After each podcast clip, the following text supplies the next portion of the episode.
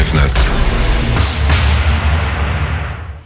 Przed chwilą śpiewała dla nas Anita Lipnicka w utworze Ptasiek, godzina 17.04, a teraz już zapowiadany przegląd prasy arabskiej.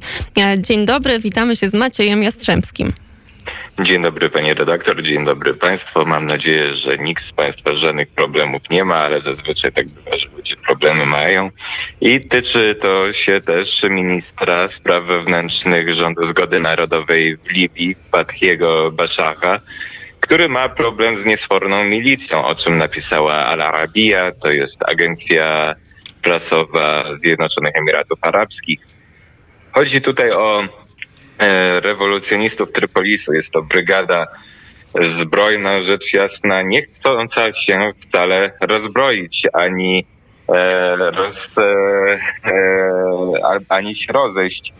E, o co e, prosi między innymi e, Stany Zjednoczone, społeczeństwo międzynarodowe.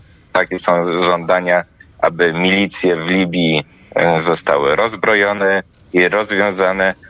Ta jednostka jednak nie chce tego zrobić i w ostatnim minionym tygodniu przeszła ulicami Trypolisu w akcie takiego buntu i przeciwstawienia się E, woli właśnie ministra spraw wewnętrznych Fatiego Bashara.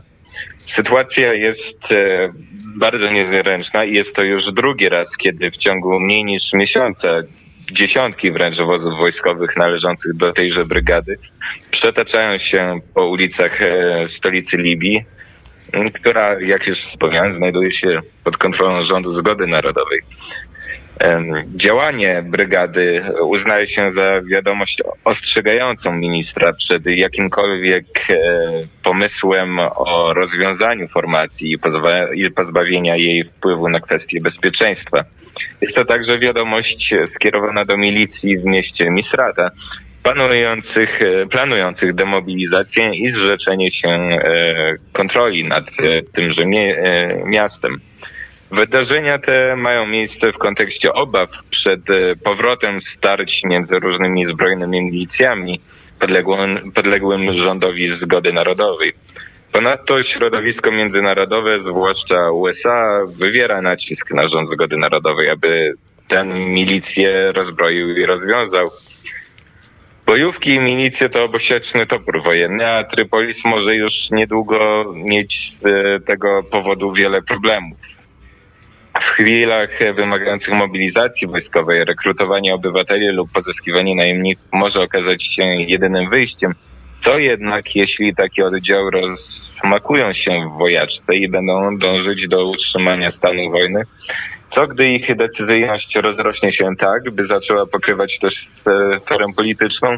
Z pewnością tak długo, jak rząd zgody narodowej nie uporządkuje kwestii milicji, tak długo Egipt będzie mieć w garści casus belli, argumentując ewentualne działania militarne na terytorium Libii troską o własne bezpieczeństwo narodowe.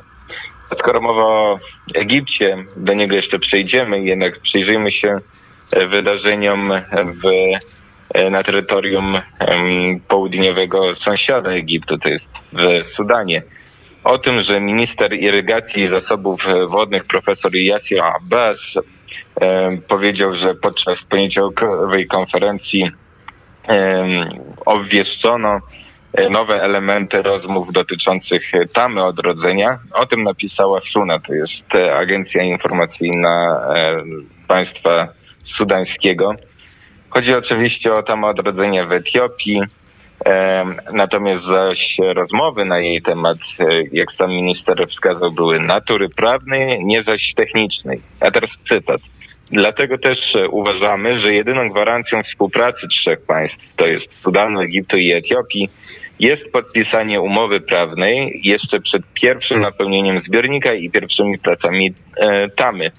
Tak powiedział minister Yasir Abbas, dodając, że propozycje, jakie podczas negocjacji złożył Sudan, nie narzucają żadnych warunków, ponieważ ich celem jest zapewnienie sukcesu pertraktacji. Przedstawione propozycje uwzględniają większą rolę ekspertów, ograniczają negocjacje do już istniejących punktów, nie pozwalając na dodawanie nowych i zobowiązują do wyboru określonej agendy dla pertraktacji mających trwać przez następne dwa tygodnie. Propozycje zakładają również przygotowanie jasnych protokołów wymiany informacji i raportów między wszystkimi zainteresowanymi stronami. Minister oznajmił również, że prośba Sudanu o odłożenie negocjacji na przyszły tydzień została przyjęta. I ostatni news na dzisiaj od e, Russia Today Arabic. Egipski minister do spraw ropy naftowej i zasobów mineralnych Tarek Al-Mala ogłosił, że trwają przygotowania do końcowego podpisania 12 umów na poszukiwanie ropy naftowej i gazu na zachodniej Saharze, a także na północy i zachodzie Morza Śródziemnego oraz e, na Morzu Czerwonym. Oficjal wyjaśnił podczas telekonferencji z członkami amerykańskiej Izby Handlowej w Egipcie, że operacje poszukiwawcze będą przeprowadzane przez, przez firmy, które zwyciężą w przetargach. Firmy te muszą jeszcze zostać jednak zaakceptowane przez parlament egipski. Minister dodał, że reformy gospodarcze i finansowe, jakie przeprowadzono przez ostatnie pięć lat, pomogły zmniejszyć wpływ koronawirusa na gospodarkę.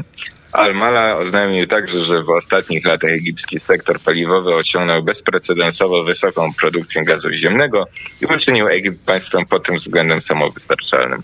Oświadczenie ministra należy postrzegać jako interesujące wydarzenie na tle cypryjsko-grecko-turecko-egipskiej rywalizacji o surowce Morza Śródziemnego, a podczas gdy Egipt oskarża Turcję o podejmowanie jednostronnych działań zaostrzających sytuację, Ankara zdaje się na oskarżenia głucha i wysyła statek nad północne wybrzeże Cypru w poszukiwaniu złóż ropy.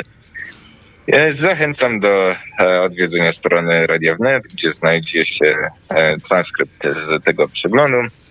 Ja kłaniam się Państwu, dziękuję Pani redaktor i a my bardzo serdecznie dziękujemy. To był Maciej Jastrzębski i przegląd prasy arabskiej. Również zachęcamy do wchodzenia na portal wnet.fm. Tam znajdą Państwo e, większość tych rozmów, e, które, e, które odbywają się u nas na antenie. Tylko jeszcze przypomnę, że słuchają nas Państwo w Warszawie na 87,8 FM, w Krakowie na 95,2 FM, od niedawna we Wrocławiu na 96,8 FM.